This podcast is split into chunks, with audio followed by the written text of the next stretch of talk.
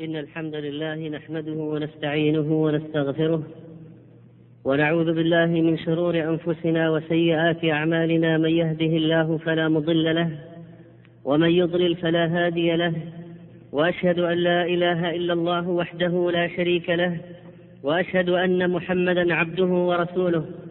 أما بعد فهذه عشركم أيها المؤمنون تتقربون فيها إلى الله تعالى بالأعمال الصالحة وأحب الأعمال إلى الله ما كان في هذه العشر ما من عمل صالح أحب إلى الله تعالى فعله من فعله في هذه الأيام.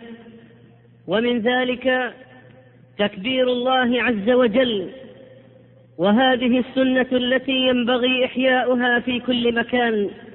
فأحيوها رحمكم الله في بيوتكم وأسواقكم وطرقاتكم وأماكن عملكم وفي ذهابكم ومجيئكم وقبل نومكم وفي سائر الأوقات والأماكن تكبيرا لله تعالى وإعلانا بالتوحيد والعبودية وعظمته عز وجل وقراءة كتابه وتلاوة كلامه من أجل العبادات وأفضل القربات وكذلك الصيام والتوبة والذكر والدعاء وصلة الأرحام وأنواع البر والصدقات والإحسان إلى المحاوج وبذل الجاه في الشفاعة الصالحة الحسنة.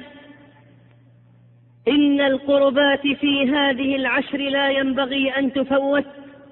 وكذا الاجتهاد في قيام الليل وإقامة السنن وسائر النوافل من صلاة ركعتين بعد الوضوء وغيرها. وكذا الدعوة إلى الله والأمر بالمعروف والنهي عن المنكر وتعليم العلم الشرعي للناس. تنبيه الغافل ونصح الجاهل. ذلك مما ينبغي أن يكون في هذه العشر. فاجتهدوا رحمكم الله وقدموا لآخرتكم وما تقدموا لأنفسكم من خير تجدوه عند الله هو خيرا وأعظم أجرا. ومن الأعمال العظيمة في هذه العشر الأضحية وذبح الهدي وإنهار الدماء لله تعالى. إننا نتذكر في هذه العبادة ما يكون من شكر, من شكر الله تعالى على ما رزقنا من بهيمة الأنعام في هذه الأيام المعلومات وإطعام البؤساء الذين اشتد فقرهم وكذا الفقراء ثم بعد ذلك تعظيم شعائر الله باستثمان الأضاحي والهدايا وخلوها من العيب. ومن يعظم شعائر الله فهو خير له. ومن يعظم شعائر الله فإنها من تقوى القلوب.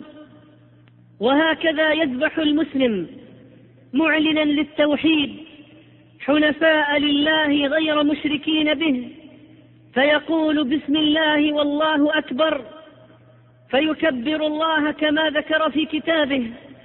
ويسمي الله كما ذكر نبيه صلى الله عليه وسلم في سنته.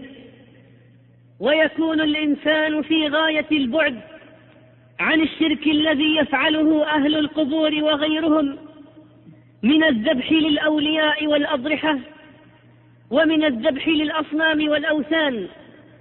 لله محيانا ومماتنا ونسكنا. ونسكي أي وذبحي فهذا من إعلان التوحيد وهو العبادة العظيمة. شكر الله على ما أباح لنا من المنافع في هذه الأضاحي والهدايا. وهذا اللحم وإعلان وإعلان لتميز لتميز الأمة بنسكها ولكل أمة جعلنا منسكا ليذكروا اسم الله. وكذلك هذا تطبيق لسنته عليه الصلاة والسلام في الذبح من عقد قوائم الإبل في أيديها اليسرى ثم تنحر واقفة قياما مقيدة سنة محمد صلى الله عليه وسلم وتشد وكذلك تراح الذبيحة وتحد الشفرة ولا يكون ذلك بحضرتها وهي تنظر رحمة لها. كل ذلك من الإعلان بالطريقة الشرعية في الذبح وكذلك بالرأفة بالحيوان. ليس كالذين يصعقون أو يضربونها بمسدس أو غير ذلك من أنواع الوقذ والقتل غير الشرعي. ونتذكر يا عباد الله الإخلاص في هذه العبادة لن ينال الله لحومها ولا دماؤها ولكن يناله التقوى منكم. كذلك سخرها لكم لتكبروا الله على ما هداكم. عند نحرها تقول الله أكبر وبشر المحسنين. عباد الله بالأضحية يشارك أهل البلدان حجاج البيت في بعض شعائر الحج. فالحجاج يتقربون إلى الله بذبح الهدايا وأهل البلدان يتقربون إليه بالضحايا. وهذا من رحمة الله بعباده. فجعل لأهل البلدان شيئا يشاركون به حتى الامتناع عن الأخذ من الشعر والأظفار. رجاء أن يعتقه الله كله من النار. إذا وفرها عباد الله إن الأضحية هي الشاة التي تذبح ضحوة عند ارتفاع النهار وبها سمي هذا العيد عيد الأضحى. إنها تقرب إلى الله بشرائط مخصوصة فتختلف عما يذبح للمولود من العقيقة. وعما يذبحه المسافر حمدا لله على سلامته من النقيعة وتختلف عما يذبح للبيع أو الأكل أو إكرام الضيف وتختلف عما يذبحه الحاج المتمتع والقارن وجوبا والمفرد استحبابا وتختلف عما يذبحه الحاج الذي ترك واجبا جزاء أو فعل محظورا أو فعل محظورا فدية لهذا المحظور الذي فعله. فهي إذا ذبيحة مخصوصة وهي توسعة على النفس وأهل البيت وهي إحياء لتوحيد إبراهيم الخليل لربه وطاعته إياه وصبره على الأمر بذبح ولده. وتقديم محبة الله على محبة الوالد والولد. إنها أيضا شكر لله على بقاء الإنسان حيا إلى هذه السنة. إنها من أعظم شعائر الإسلام وهي النسك العام في الأمصار. قرنها الله بالصلاة فصل لربك وانحر. وجعلها النبي صلى الله عليه وسلم على كل أهل بيت من القادرين وهي كأي عبادة من العبادات لا بد أن تتوفر فيها الإخلاص والمتابعة للنبي صلى الله عليه وسلم ركنا العبادة الأساسيان فتكون في الوقت وتكون ملكا للمضحي ملكا شرعيا بمال حلال وتكون من بهيمة الأنعام وتبلغ السن المعتبر شرعا وتكون سالمة من العيوب. ليس المقصود بها اللحم فقط. ليس المقصود بها اللحم فقط. وإنما النسك هو الأساس وكذلك الالتزام. ولذلك فرق النبي صلى الله عليه وسلم بينها وبين شاة اللحم. وأخبر أن ما ذبح قبل العيد قبل الصلاة إنما هو ش... إنما هو لحم قدمه لأهله. فقال عليه الصلاة والسلام إن أول ما نبدأ به يومنا هذا أن نصلي أي صلاة عيد الأضحى ثم نرجع فننحر فمن فعل ذلك فقد أصاب سنتنا ومن ذبح قبل ذلك فإنما هو لحم قدمه لأهله.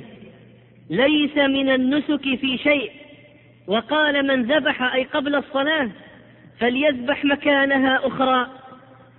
عباد الله إن وقت ذبح الأضحية يمتد ولله الحمد ليكون بغروب شمس آخر أيام التشريق وهو اليوم الثالث عشر من ذي الحجة.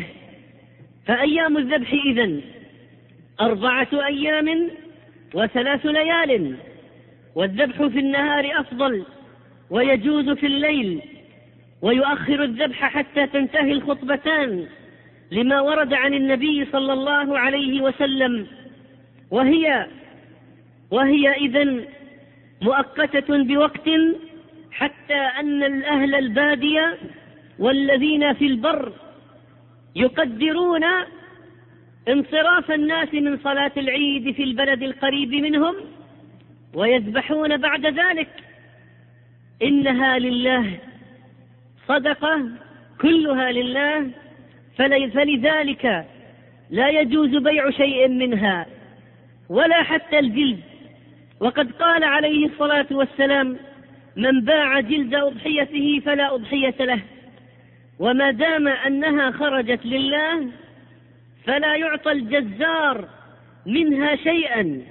كما قال علي رضي الله عنه أمرني رسول الله صلى الله عليه وسلم أن أقوم على بدنه ولا أعطي الجازر منها شيئا.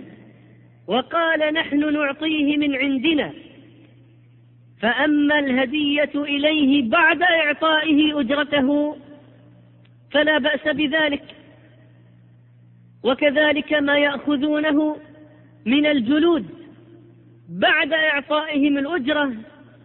ولا تكون هذه الجلود جزءا من الأجرة فإن ذلك لا بأس به.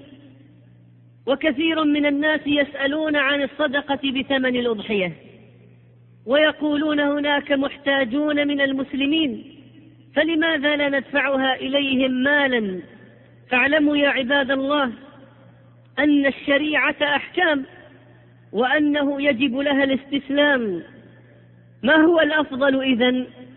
ذبحها أم الصدقة بثمنها؟ الجواب ذبحها ولا شك لأن إنهار الدم لله عبادة مقصودة. قال ابن القيم رحمه الله الذبح في موضعه أفضل من الصدقة بثمنه ولو زاد. فإن نفس الذبح وإراقة الدم لله تعالى مقصود فإنه عبادة أي مستقلة. مقرونة بالصلاة فصل لربك وانحر. ومن الأدلة على أنها أفضل أي ذبحها ما فعله عليه الصلاة والسلام. فإن قال القائلون إننا نريد أن, أن نعطي أضاحينا لهؤلاء المسلمين المحتاجين في العالم. فاعلموا أيها الإخوة أن انتقاءها واستثمانها والتأكد من خلوها من العيوب وذبحها بيده في وقتها أو رؤية ذلك والتسمية عليه والتكبير والأكل من الأضحية وهي سنة وتوزيعها لا يعدله لا يعدله إخراجها من البلد. ولكن قد تلم بالإنسان بعض الظروف التي تجعله يخرجها إلى الخارج مثل أن يكون في سفر. لا يستطيع أن يذبح ولا أن يوكل أو أن يكون غير زيس غير غير غني قادر على ذبح أضحية في البلد فيجد في غيره ما هو أرخص. ونحو ذلك أو أن يكون عنده عدة أضاح. فيذبح واحدة في بيته وال وال والأخرى يرسل بها إلى المسلمين من المنكوبين وغيرهم. فاعلموا إذن أن ذبحها والإشراف عليها ومشاهدة ذلك والأكل منه سنن تفوت بإرسالها وليس من المصلحة أن تختفي الأضحية من البلد فإن إظهار هذه الشعيرة عبادة بحد ذاته. والبقرة عن سبعة والجزور عن سبعة كما بين النبي صلى الله عليه وسلم. أما الشاة فلا يجزئ الاشتراك في واحدة لا يجزئ الاشتراك في واحدة. والنبي عليه الصلاة والسلام قد حدد لنا سنها وما هو الذي يجزئ. فالجذع من الضأن الذي تم له ستة أشهر ودخل في السابع. والثني من المعز. ما تم له سنة ودخل في الثانية. والثني من الإبل. ما تم له خمس سنين ودخل في السادسة. والبقر. ما تم له سنتان ودخل في الثالثة. هذا ما يجزئ. كلما كانت الأضحية أكمل من ذاتها وصفاتها كان أتقى لله وأعظم للأجر. وعن عائشة رضي الله عنها أن رسول الله صلى الله عليه وسلم أمر بكبش أقرن له قرون دليل على قوته وصحته يقع في سواد أي رجله سوداء ويبرك في سواد أي ركبته وما حولها أسود وينظر في سواد أي ما حول العينين أسود فأتي به ليضحي به فقال لها يا عائشة هلم المدية؟ ثم قال اشحذيها بحجر ففعلت ثم أخذها وأخذ الكبش فأضجعه ثم ذبحه وقال بسم الله اللهم تقبل من محمد وآل محمد ومن أمة محمد ثم ضحى به رواه رواه مسلم وأبو داود. وقال عليه الصلاة والسلام دم عفراء أحب إلى الله من دم سوداوين. والعفراء ما خالط بياضها سواد. ما خالط وهو اللون الأخضر الذي خالط بياضه شيء. الأملح ما خالط بياضه سواد. وبذلك تعلم الجمع بين الحديثين. فهو بياض يخالطه سواد في الركبة والرجل وما حول العينين. تلك كانت صفة أضحيته عليه الصلاة والسلام. وأي لون يجزئ ولله الحمد ولكن الإنسان يجتهد في إصابة السنة من محبته للنبي صلى الله عليه وسلم. لقد ضحى بكبش وقال بسم الله والله أكبر وكانت بشارة عظيمة للفقراء الذين لا يملكون ثمن الأضحية لأن نبيهم عليه الصلاة والسلام لما ذبحها قال بسم الله والله أكبر هذا عني وعمن لم يضحي من أمتي فأبشر أيها الفقير يا من لا تملك ثمنها بما فعله نبيك صلى الله عليه وسلم من أجلك. وعن أبي رافع قال ضحى النبي صلى الله عليه وسلم بكبشين موجوئين خصيين أحدهما عمن شهد أحدهما عمن شهد بالتوحيد وله بالبلاغ والآخر عن والآخر والآخر عنه وعن أهل بيته. رواه أحمد بإسناد صحيح. ضحى عليه الصلاة والسلام بيده. ويجوز للإنسان أن يوكل في ذبحها ولكن اجتنبوا ذبح من لا يحل ذبحه كالهندوسي والوثني والبوذي وتارك الصلاة بالكلية والمستهزئ بالدين وساب الرب والنبي عليه السلام وهكذا من سائر أنواع الكفرة والمشركين إلا أهل الكتاب الذين تحل لنا ذبائحهم ما لم يذكروا عليها اسم غير الله تعالى. عباد الله إن الأضحية إن الأضحية كانت شاة واحدة تكفي الرجل وأهل بيته. قال أبو أيوب رضي الله عنه كان الرجل يضحي بالشاة عنه وعن أهل بيته فيأكلون ويطعمون. حتى تباهى الناس فصار كما ترى أي من تعديد الأضاحي.